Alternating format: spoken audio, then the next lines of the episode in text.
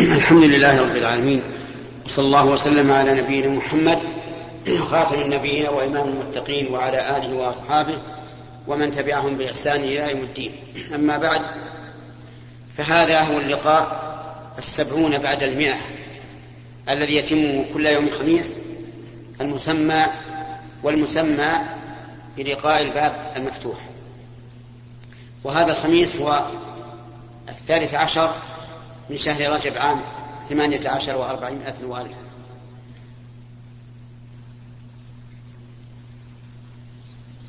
نتكلم فيه الآن عما أنعم الله به تعالى. عما أنعم الله به على هذه البلاد في هذا الأسبوع من كثرة الأمطار الغزيرة العامة ولله الحمد.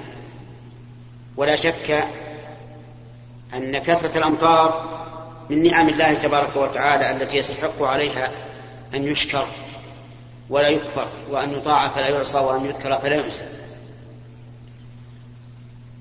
هذه الأمطار لا يعلم متى تنزل إلا الله عز وجل. ولا يستطيع أحد أن ينزلها إلا الله عز وجل. ولا يستطيع أحد أن ينبت الأرض بها إلا الله عز وجل. قال الله تبارك وتعالى إن الله عنده علم الساعة وينزل الغيث ويعلم ما في الأرحام. وما تدري نفس ماذا تكسب غدا وما تدري نفس بأي أرض تموت. إن الله عليم خبير.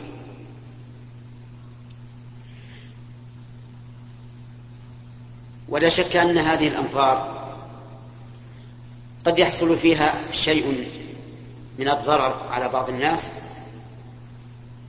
إما بتلف المواشي أو بتهدم البناء أو بفساد الزروع وكل هذا بتقدير الله سبحانه وتعالى. فالواجب علينا إزاء هذا الذي يحصل الصبر والاحتساب والاتعاظ والعبرة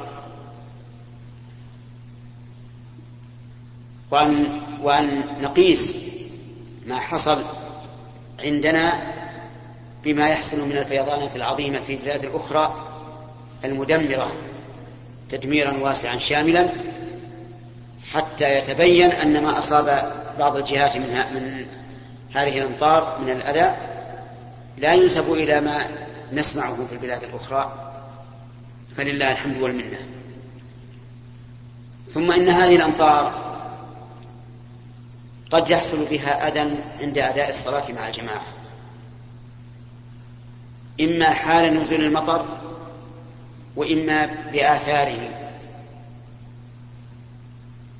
من كثرة المناقع في الأسواق أو الوحل.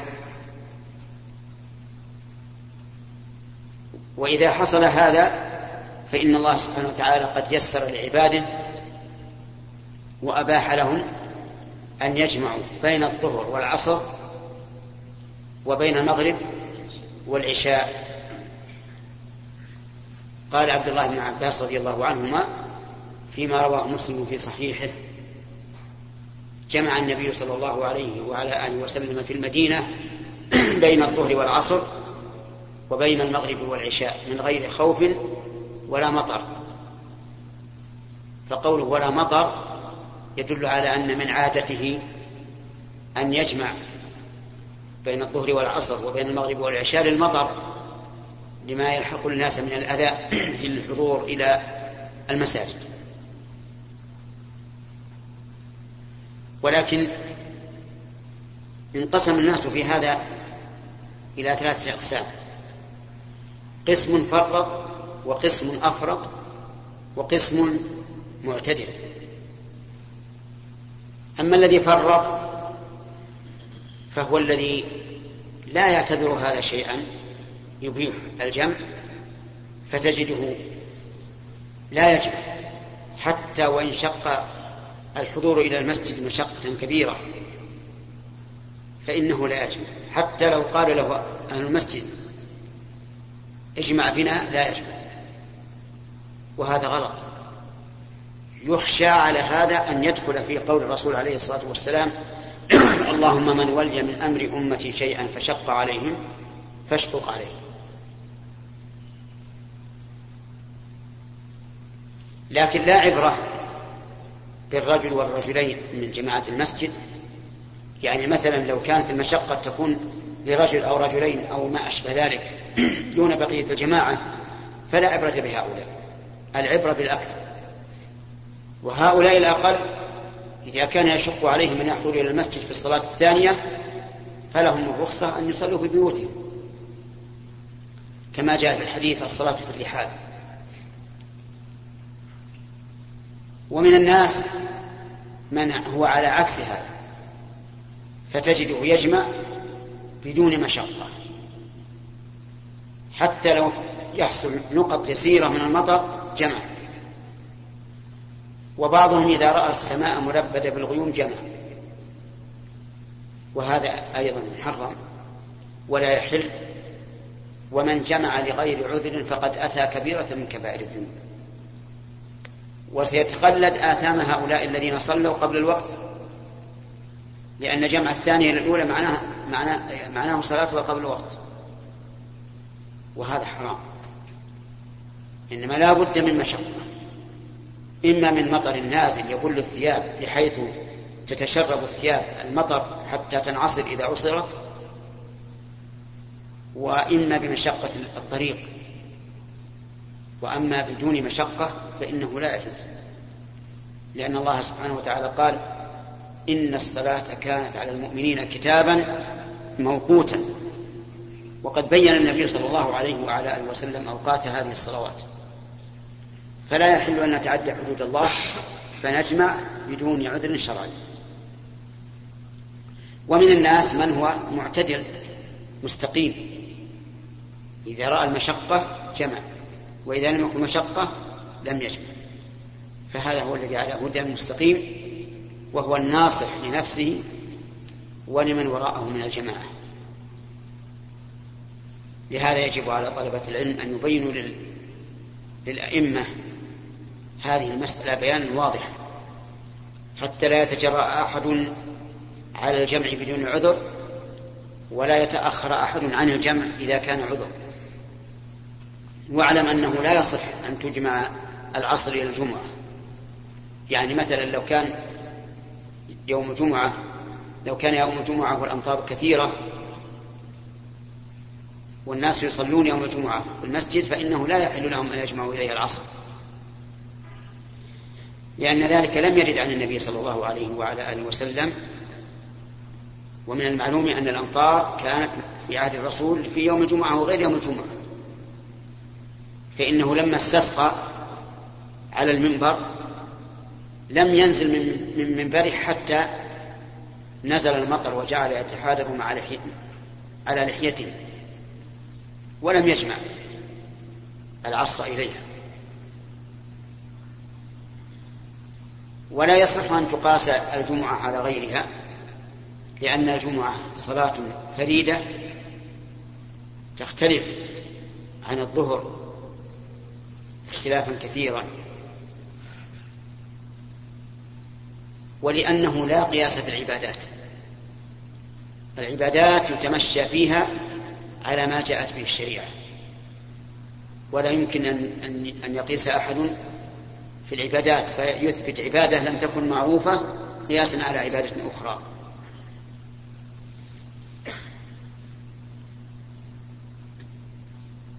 ثم أعلم أيها المستمع الكريم أن الجمع له سبب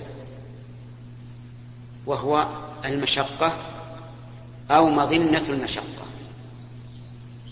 المشقة كما ذكرنا في المطر. ومن ذلك أن تكون الليلة باردة ذات, ذات ريح تؤلم الناس فيجوز الجمع لدعاء الحاجة إليه. ولأن المشقة في الوصول إلى المسجد في مثل هذه الحال أعظم من المشقة في الوصول إلى المسجد في المطر. كذلك يجوز الجمع للمريض الذي يشق عليه أن يصلي كل صلاة في وقتها. سواء كان ذلك لضعف في البدن أو لعدم استمساك البول أو الغائط أو الريح. لأن النبي صلى الله عليه وسلم أجاز للمستحاضة أن تجمع لأنه يشق عليها أن تتوضأ لوقت كل صلاة. فكل من حدثه دائم فإنه يجوز له أن يجمع لمشقة الوضوء عليه لكل صلاة ومن ذلك أي مما يباح له الجمع إذا أراد الإنسان سفرا وخاف أن لا يتيسر له أن يصلي الصلاة المقبلة في وقتها فله أن يجمع. مثل أن تكون أن تصادف الصلاة الثانية وهو في الطائرة. أو في آه، في سيارة لا يتمكن من إيقافها. أو ما أشبه ذلك. فله أن يجمع لتعسر الصلاة المقبلة عليه في وقتها. فالجمع والحمد لله واسع. ومن ذلك أي مما يباح الجمع من أجله السفر. إذا كان الإنسان مسافرا جاز له الجمع سواء كان سائرا أو نازلا. لكن السائر نأمره بالجمع. ونقول اجمع اقتداء بالرسول صلى الله عليه وسلم. والنازل نقول لا تجمع. الأفضل أن لا تجمع وإن جمعت فلا بأس. هذا إذا لم يكن في بلد تقام فيه الصلاة جماعة فإن كان في بلد تقام فيه الصلاة جماعة وجب عليه أن يصلي مع الناس. لعموم قول النبي صلى الله عليه وسلم من سمع النداء فلم يجب فلا صلاة له. ولأن النبي صلى الله عليه وسلم استأذنه رجل في ترك الجماعة فرخص له فلما ولى دعاه وقال هل تسمع النداء؟ قال نعم. قال فأجب. وما يتوهمه بعض العوام من أن المسافر ليس عليه جماعة فهو لا أصل لا أصل له. المسافر والمقيم كل منهما عليه جماعة والدليل أن الرسول عليه الصلاة والسلام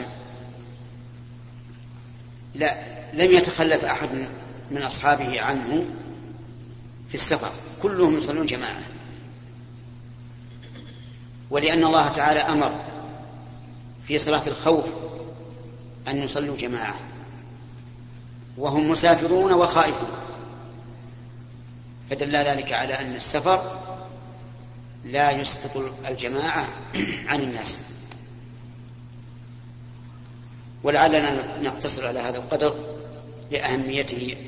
أما ما يتعلق بالتفسير فسيكون إن شاء الله في اللقاء القادم حتى يتوفر لنا وقت نتمكن فيه من الإجابة على الأسئلة. فضيلة الشيخ أحسن الله إليك. الحديث المروي عن رسول الله صلى الله عليه وسلم اجتمع قوم في بيت من بيوت الله يتلون كتاب الله ويتدارسونه بينهم إلا نزلت عليهم السكينة وغشيتهم الرحمة وحفتهم الملائكة وذكرهم الله في من عنده. فهل لو اجتمع قوم في غير بيت من بيوت الله ويتدارسون في كتب الفقه والعقيدة والتفسير والحديث وغير ذلك فهل ينالون مثل هذا الفضل من الله تعالى أم أنهم أقل درجة من أولئك؟ إذا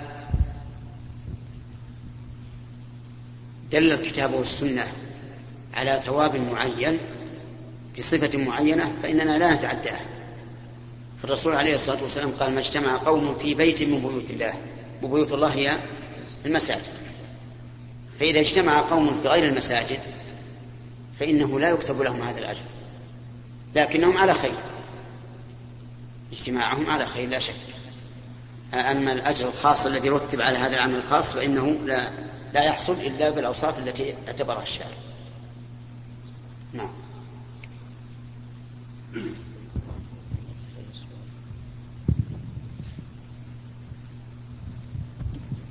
الله عنك يا شيخ. بالنسبة للحديث الذي ورد النبي صلى الله عليه وسلم يقول الله تعالى لو أن عبادي أطاعوني ولم يعصوني لأنزلت عليهم المطر ولم أسمعهم صوت الرعد. فهل هذا حديث صحيح؟ والله لا أعرف هذا الحديث. لكن المعروف أن الرعد من الظواهر الطبيعية الملازمة في الغالب للغيوم.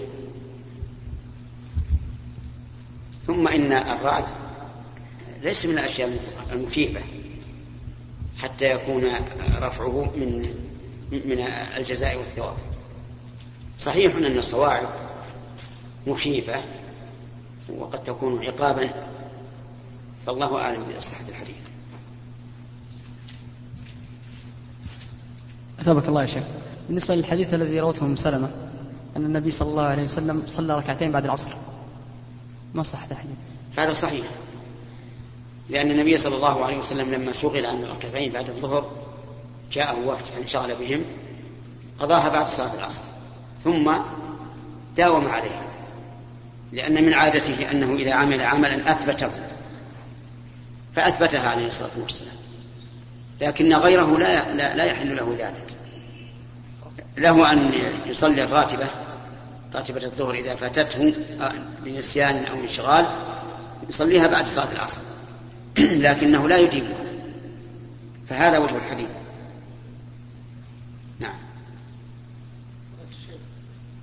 بالنسبة للمسافر إذا قام قام في بلد هم جماعة ثلاثة تجب عليهم الصلاة في المسجد. اي نعم الجماعة إذا أقاموا في بلد تجب عليهم صلاة الجماعة إلا إذا كان المسجد بعيدا عنهم. أقاموا يوم أو يومين. نعم أقاموا يوما أو يومين أو شهرا أو شهرين. تجب عليهم. فإنها تجب عليهم الجماعة إلا إذا شق عليهم هذا. إذا شق عليهم هذا صلوا وحدهم في مكانه. نعم. فضيلة الشيخ حسن الله إليك. هل يلزم كل من رأى منكرا ينكره؟ نعم يلزم كل من رأى منكرا أن ينكره. لقول النبي عليه الصلاة والسلام من رأى منكم منكرا فليغيره بيده فإن لم يستطع فبلسانه فإن لم يستطع فبقلبه. لكن كيف ينكر؟ هذه هذا هو المهم. هل ينكر بعنف ويصيح بهذا الرجل ويسبه؟ أو يداريه وينكر عليه بالتي هي أحسن. هذا هو المهم. وهذا هو الذي يفوت كثيرا من الإخوة الآمرين بالمعروف والنهي عن المنكر. تجدهم يستعملون العنف وربما يكون في قلبه أنه يريد أن ينتصر لنفسه مثلا. وهذا غلط. الواجب عند النهي عن المنكر أن تريد بذلك إصلاح أخيك. وإذا كنت تريد هذا فاسلك أيسر السبل لإصلاحه. نعم. الله عليك شيخ. هناك ثلاثة أشخاص يذهبون للمزاد. ثم إيش؟ إيش؟ يذهبون للمزاد مزاد السيارات نعم. ثم يمتنع اثنان منهم عن الدخول في المزايدة حتى لا يغلى سعر السيارة وينصبون شخصا منهم لشراء السيارة. وبعد أن ينتهي من شراء السيارة يعملون عليها مزايدة حتى يأخذها واحد منهم. فإذا وصل كان سعرها الأصلي مثلا خمسة آلاف ثم بعد المزايدة وصلت ستة آلاف يأخذها الشخص الذي يرضى بهذا السعر. ثم يقسمون المبلغ الزائد الألف ريال على الثلاثة الأشخاص. نعم. آه، خلاصة السؤال إذا اتفق جماعة على أن لا يتزايدوا وهذا فيه تفصيل. إذا لم يكن في السوق من يشتري هذه السلعة إلا هؤلاء فهو حرام عليه. لأن هذا بمنزلة الاحتكار. وأن إذا كانت السلعة يشتريها هم وغيرهم فلا حرج عليه. لأنهم إذا لم يزودوا زود غيرهم زود غيرهم وانتهى المشكلة. تلفزيون. النظر إلى مباراة في التلفزيون. أنا أسألك ما الفائدة منها؟